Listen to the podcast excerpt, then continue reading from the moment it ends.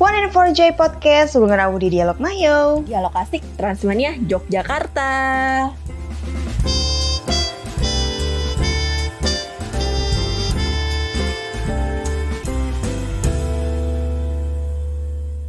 Halo ma friends semuanya, apa kabar nih? Semoga luar biasa ya semuanya ya. Begitu juga kabar kita nih di Dialog Mayo, sungguh luar biasa nih ma friend. Nah ma friend, kalau kemarin aku ditemenin bareng Yohan, di podcast kali ini tuh aku bakalan ditemenin sama temen baru nih. Namanya Mafa. Hai, my friend, salam kenal. Ih, aku deg-degan banget di sini.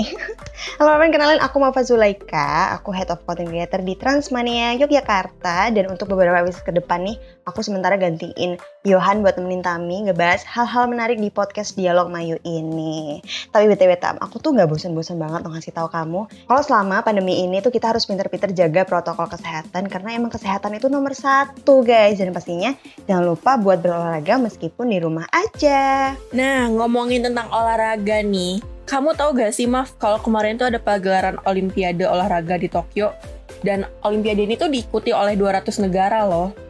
Wih, itu high banget sih minggu lalu. Emang setiap aku buka Instagram story atau WA aku tuh full banget teman-teman ngasih semangat, ngasih support buat para atlet kita di Tokyo itu yang berhasil bikin bangga Indonesia. Bangga banget gak sih? Nah, bener tuh. Jadi Olimpiade Tokyo ini tuh adalah event olahraga tahunan yang digelar 4 tahun sekali. Dan kebetulan di tahun ini tuh tuan rumahnya yang dipilih Tokyo gitu, Mapren. Nah, wow, menarik ya. Berarti itu nggak menutup kemungkinan dong kalau Indonesia ke depannya bisa jadi tuan rumah ya nggak tahu?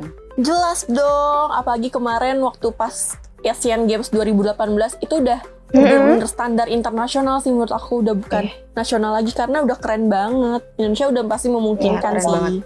Iya, tapi maaf ada fakta menarik nih tentang Olimpiade Tokyo tahun ini. Kamu tahu gak Wih, apa tuh?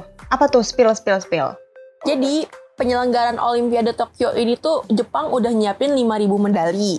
Nah, menariknya hmm. lagi nih, medali-medalinya ini dibuat dari emas, perak, dan perunggu dari hasil ekstraksi barang elektronik lama dan juga 5 juta ponsel bekas yang disumbangi oleh masyarakat Jepang gitu. Waduh, keren juga ya Jepang ya. Itu medali dari limbah daur ulang benda teknologi gitu, keren banget. Tapi emang gak memungkiri loh, ternyata Olimpiade Tokyo kali ini tuh uh, rame banget meskipun di era pandemi kayak atmosfer keseruannya tuh nggak kalah sama Olimpiade-Olimpiade tahun sebelumnya. Namanya Olimpiade ya, pasti cabang olahraganya tuh baik banget, Tam. Nah, kalau kamu sendiri nih, favoritnya tuh nonton pertandingan cabang olahraga apa sih?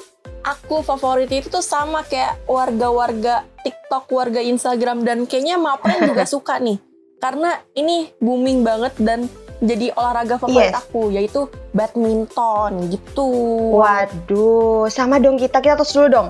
Oh, karena emang karena kita sama-sama suka badminton dan kebetulan banget hari ini emang kita tuh fokus ngebahas cabang olahraga bulu tangkis itu. Meskipun belum berhasil jadi klasemen pertama di cabang olahraganya, ada hal menarik yang bisa kita bahas hari ini, Tab. Kayak ini nih, Mapren. Indonesia itu nempatin posisi ketiga di klasemen cabang olahraga bulu tangkis. Keren banget gak sih dari 200 ya, dari 200 negara kita tuh berada di posisi ketiga. Hmm, bangga banget ya karena posisi pertama masih ditempatin China dan posisi kedua ditempatin Taiwan. Selamat buat tiga negara yang berhasil mendapatkan posisi tiga besar. Wow. Keren banget sih. Apalagi ya Indonesia tuh berhasil bawa satu medali emas dari ganda putri dan satu medali perunggu dari tunggal putra. Bangga gak sih, Maaf? Ih bangga banget, bangga banget karena emang ya sepanjang sejarah Olimpiade baru kali ini ganda putra Indonesia, maaf ganda putri Indonesia bisa nyabet emas dan um, asal kamu tahu juga nih Tam, for information ternyata sang atlet Kak Gracia Poli udah ngimpi-ngimpiin buat jadi atlet badminton dunia loh. Wow. Oh iya ya, aku tahu aku tahu karena Kak Gracia Poli ini kan temennya Agnes Mo dan Agnes Mo tuh pernah mm -hmm. uh, nyanyi lagu yang judulnya Muda dan di musik videonya ini tuh ada Kak Grace-nya ini buat uh, jadi salah satu orang yang ngebawa tulisan I wanna be a world champion badminton athlete gitu. Wih, mantap banget Kak Grace Poli. Aku tahu tuh lagu yang hidupmu itu adalah kamu itu kan. Itu keren banget sih Kak Gracia Poli. Now she got that position loh Kayak literally definisi dari usaha dan mimpi nggak akan ngehianatin hasil. Karena pada dasarnya ya Mapren ya, nggak ada salahnya loh kita tuh punya mimpi besar asal dibarengi sama usaha dan doa. Itu ya penting. Setuju, setuju, setuju, setuju banget. Pokoknya salut sama semua atlet-atlet di Indonesia ini yang benar-benar mereka nggak cuma sekedar mimpi ya maaf, tapi mereka juga Hmm, berusaha gitu loh buat nge- buat ngewujudin mimpinya Betul. itu gitu. Iya, semoga Mapren bisa jadi pembelajaran juga nih. Apalagi setelah kejadian yang nggak ngenakin waktu All England 2020. Kamu tahu nggak sih, Tam? Jadi, jadi gini ya Mapren ya. Indonesia tuh dipaksa walk over karena alasan yang kurang valid gitu. Bahkan tuh masih tuh Kak Apriani dan Kak Grecia belum sempat loh main. Begitu juga Kak Ginting yang ganteng. Betul banget. Kemarin tuh waktu pas berita All England jadi kayak ngerasa sedih banget. Mereka belum Iya. bertanding tapi mereka udah disuruh pulang lagi gitu. Benar. Tapi nih ya Itu ngomongin tentang tunggal putra, tadi kamu nyebut-nyebutin Kak Anthony Ginting gitu yang kemarin berhasil nyabet perunggu. Maaf sempet denger gak sih kemarin tuh ada tren terginting-ginting. Eh, bukan main seminggu lalu ya, setiap aku buka TikTok, scroll TikTok, otomatis yang muncul tuh backsound yang, kamu tau gak sih? I need to know, itu otomatis deh, aku langsung terginting-ginting, terkevin-kevin, kayak keren, ganteng banget, cool banget, oh my god, pusing nontonnya. Emang ya kayak si Ginting tuh bener-bener jawabannya tuh nyeleneh-nyeleneh banget kalau lagi diwawancara Mm-mm. maaf ya. Dan itu yang Mm-mm. memiliki pesona banget dia dia udah manis senyumannya. Terus dia suka humoris Iya. juga gitu. Tapi Betul. temennya Ginting ada nih Jonathan Christie yang sempet bikin heboh netizen waktu Asian Games Oh, iya. 2018. Iya, Tahu iya, gak, itu aku tahu banget dia sih. buka Tahu banget sih roti sobeknya. Roti sobek, oh my god. Ya emang ya sebelum terkevin-kevin, terginting-ginting, kita masih kita dulu 2018 ada terjonatan Jonathan. Ah, ya ampun. Tapi sayangnya ya dua minions Kevin Gideon, The Daddies Ahsan Hendra dan Jojo kali ini emang belum bisa nyabet gelar tam. Tapi nggak apa karena mereka tetap asik dan menghibur banget buat ditonton pertandingannya. Bener banget. Tapi nih ya maaf, namanya pertandingan ada masanya menang sama kalah. Jadi wajar aja gitu. Iya. Minions yang Mm-mm, peringkat wajar, satu ganda putra sedunia aja tuh bisa kalah. Dan kita sebagai rakyat Hmm. Indonesia tetap harus semangatnya mereka. Karena mereka pun juga nggak putus asa. Mereka tetap berusaha. Bener. Untuk menangin di Olimpiade-Olimpiade selanjutnya gitu. Iya, bener banget Tam. Tapi kalau kita eh, tarik lagi ke belakang nih ya, kita lihat masa lalu, Cila. Legenda bulu tangkis di Indonesia tuh keren-keren banget loh. Di sektor ganda putra misalnya. Jadi jauh sebelum ada ganda putra Kevin Gideon Mapren, ganda putra Indonesia tuh kalau Mapren tahu ada Rexy Ricky, itu udah dinobatin sebagai salah satu ganda putra terbaik loh di dunia. Gila. Capaian tertingginya itu nyabet medali emas di Olimpiade Atlanta 1996. Buset, itu kita lagi di mana, Tam? 96 kayak kita belum lahir deh. Kayaknya kita masih jadi kentut orang tua kita gitu loh, oh my god. iya. Canda. Tapi nih ya maaf, kalau atlet yang paling terngiang-ngiang banget buat aku itu Susi Susanti sih. Karena waktu tahun 2019 Oh, iya. tuh aku tuh nonton filmnya gitu dan filmnya tuh benar-benar ngegambarin gimana perjuangannya si Susi Susanti ini buat menangin medali emas yang pertama buat dia Iya. gitu. Iya sebenarnya itu yang main Laura Basuki nggak sih itu emang keren banget sih kayak perjuangan si Susi Susanti itu nggak main-main gitu loh. Dan emang Susi Susanti nyumbang emas pertama buat Indonesia di Olimpiade Barcelona 1992 yang itu ngebuat dia sangat identik dengan legenda bulu tangkisnya. Apalagi pas itu juga ada Alan Budi Kusuma loh nyabet gelar emas di cabang olahraga tunggal putra. Gila itu couple goals banget gak sih? Keren. Iya, padahal kalau misalkan dulu udah ada couple goals, couple goals gitu, mereka pasti juaranya menang. Sama-sama Hmm, berprestasi, iya, hmm, coy. bener.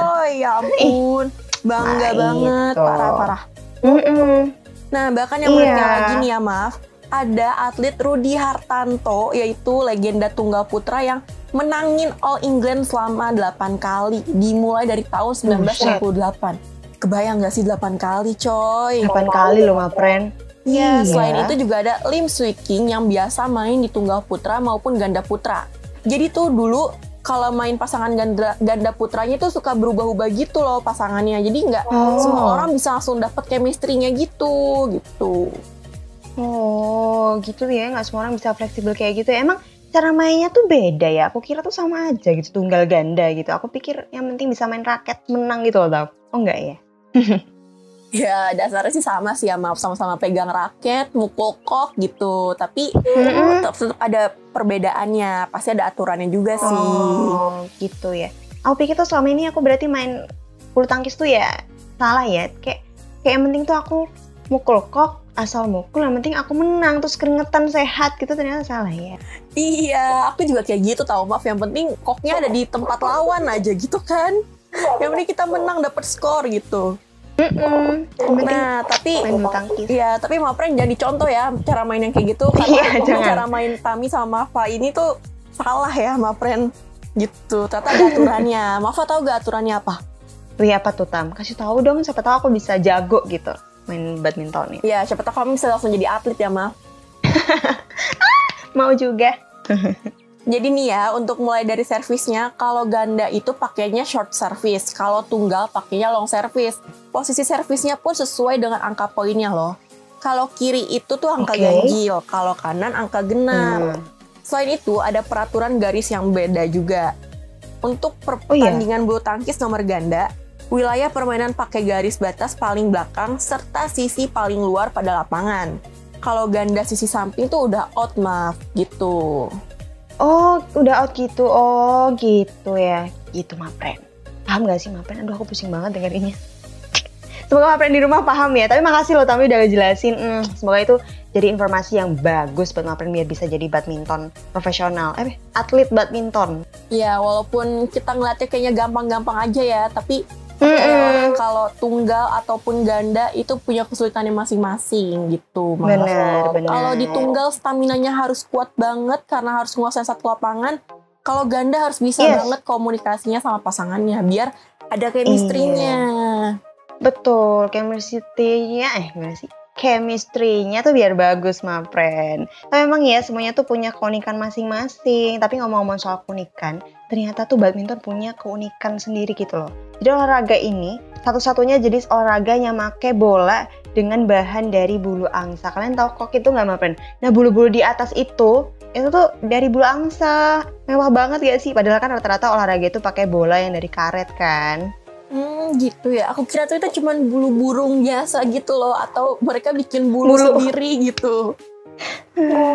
Enggak, dari angsa, Mapren. Tapi nih ya, selain bolanya yang terbuat dari bulu angsa, olahraga badminton itu, apalagi khususnya badminton di Indonesia itu punya ciri khas sendiri loh. Mafa, tahu gak kira-kira apa nih? Ih, apa lagi tuh? Apa tuh? Ini kita lagi segmen games ya, kayaknya tebak-tebakan nih. Apa Sam? Pokoknya kayaknya kalau aku kasih tahu nih, Mapren sama Mafa juga langsung kayak, oh iya ya, betul juga. Jadi tuh, ini tuh ciri khas banget di Indonesia adalah teriakan dan sorakan dari penontonnya yang eh ah gitu bener gak? Ih, iya, ih bener banget. Iya, iya, ya ampun aku gak kepikiran, bener-bener. Itu jadi ciri khas banget loh, kalau pas kita niakin, eh, ah, itu meriah banget kalau teriak bareng-bareng kayaknya. Karena kan itu salah satu bentuk support dari audiens buat eh, tim yang lagi bertanding gitu gak sih? Jadi ciri khas banget buat penonton Indonesia. Hah, Nah, jadi energi positif dari penonton tuh bisa tersalurkan langsung ke mm-mm. atlet-atlet yang itu. Pemainnya. Kan. Yes, yes, gitu. Dan Iya. biasanya nih ya maaf pulang-pulang dari pertandingan tuh suaranya tuh abis berasa kayak abis manggung berapa album gitu. Habis karaoke ya, Wak. Kamu tuh udah kayak pengalaman banget loh. Kayak jam terbangnya udah tinggi banget jadi koor supporteran gitu. Iya, aku Iya kan? emang kebetulan jadi koordinasi sih buat di GBK. Enggak, enggak. Oh, gitu. Anyway, sebenarnya tuh masih banyak banget loh maaf keunikan-keunikan olahraga badminton lainnya. Tapi ya itu tadi contohnya gitu. Oh, oke, bener Tam. Tapi kayaknya ini termasuk keunikan juga nggak sih kalau badminton itu olahraga yang merakyat gitu. Siapa aja bisa dan boleh main badminton. Betul, betul, betul. Karena badminton tuh bisa dimainin di mana aja asalkan kamu punya raket, punya kok, punya lawannya, Hmm, dan juga punya tempat yang kosong, sepi. Yang penting betul. bisa buat main-main itu nggak apa-apa. Yang kayak di teras rumah, di lapangan, atau di jalanan yang emang bener-bener lagi kosong gitu. Iya, iya bener. Apalagi itu kalau lagi main badminton di teras rumah itu yang paling mengesankan bukan main badminton ya guys. Gimana kita berjuang, effort banget, ngambil kok yang nyangseng di atas pohon. Kalau nggak di genteng itu tuh mengesankan banget. Kangen gak sih? Iya, betul, betul, betul, betul. Iya, tapi pada dasarnya main badminton tuh nggak wajib gitu loh di lapangan badmintonnya. Kan juga tujuan utamanya tuh yang penting badannya sehat kan. Apalagi kondisi pandemi kayak gini tuh udah jadi rutinitas kita nggak sih buat berjemur di bawah sinar matahari biar sehat juga kan. Selagi itu main badminton tipis-tipis kan. Betul banget, maaf. Tapi tadi ngomongin tentang berjuang ngambil kok di genteng orang atau di pohon pohon tangga gitu ya. Gak sadar nih maaf kalau ternyata tuh dikit lagi 17 Agustus loh maaf Hari kemerdekaan Oh, iya Indonesia ya? yang ke-76 Waduh Wah. Biasanya nih ya di lomba 17-an tuh Si RT sama RW ini tuh ngadain lomba badminton tau maaf Dan itu bikin semua warga kampung langsung kayak Ayo kita nonton yuk nonton rame-rame gitu Iya iya bener-bener. Ih, nggak kerasa ya Mapren ya udah Agustus aja. Perasaan dua hari yang lalu aku habis ng- ngidupin mercon tuh tahun baruan kayak sama temen. Canda. Iya juga ya, kayak kadang badminton tuh dijadiin salah satu lomba 17-an gitu. Dan itu fix seru banget, rame banget supporternya buat nonton badminton. Tapi sayang banget pandemi kayak gini harus ngurangin kegiatan rame-rame sama kumpul-kumpul. Tapi nggak apa-apa, itu biar pandemi bisa cepet selesai. Biar kita tuh bisa cepet main di luar, nggak pakai masker gitu kan ya. Jadi kayak semangat banget. Gak apa-apa maaf, walaupun kita nggak Hmm, bisa rame-rame lagi bareng satu kampung buat ngerayain 17-an, tapi yang penting kita masih bisa ngerayain bareng keluarga, bikin lomba kecil-kecilan aja gitu. Mm, mm, mm, mm, mm. Iya betul betul. Ide bagus Tami. Iya dan kayaknya juga badminton tuh jadi eh, olahraga ciri khas Indonesia banget ya. Mm, mm, mm, mm, mm. Iya bener-bener ya, bener sih. Kayak udah jadi ciri khas gitu loh Indonesia sama olahraga badminton. Iya, karena juga prestasi-prestasi atlet-atletnya juga bener-bener membanggakan Indonesia banget nih. Jadi bikin penonton dan warga Indonesia bangga banget sama badminton Indonesia gitu. Iya. Jadi nambah semangat gitu ya kita Mampren ya, setuju banget. Kayak, uh seneng banget gitu loh kita tuh kalau bahas badminton kayak gini tuh. Seru banget gak sih Tam? Aku tuh setiap ngebahasnya tuh menggebu-gebu gitu loh. Sampai aku tuh lupa ternyata udah mau closing aja kita. Iya ya, kita kenapa sih kalau ngebahas sesuatu di podcast ini selalu gak sadar nih tiba-tiba udah di closing aja. Iya ya. Aduh. Oke deh, Mapren semua kalau gitu aku sama Mafa pamit undur diri ya. See you di episode selanjutnya dengan topik yang pastinya lebih seru. Yes, bye. See you ya, Mapren. Sampai jumpa di lain hari bersama podcast Dialog Mayo yang bakal terus hadir sebulan sekali tiap hari Sabtu jam 16.00 waktu Indonesia Barat. Tentunya Mapren bisa pantengin di sosial media Spotify Dialog Mayo dan Instagram Transmania underscore YK. Jangan lupa juga buat follow Instagram kita ya di @transmania underscore YK. Buat Mapren yang pengen tanya-tanya atau kasih saran pembahasan podcast selanjutnya, bisa langsung komen di postingan Instagram kita, atau kalau malu bisa langsung via DM di @transmania underscore YK ya Mapren. Yes, time is over with you is my podcast lovers. Soon my stay with Dialog Mayo, Dialog Asik Transmania, Yogyakarta. Bye-bye!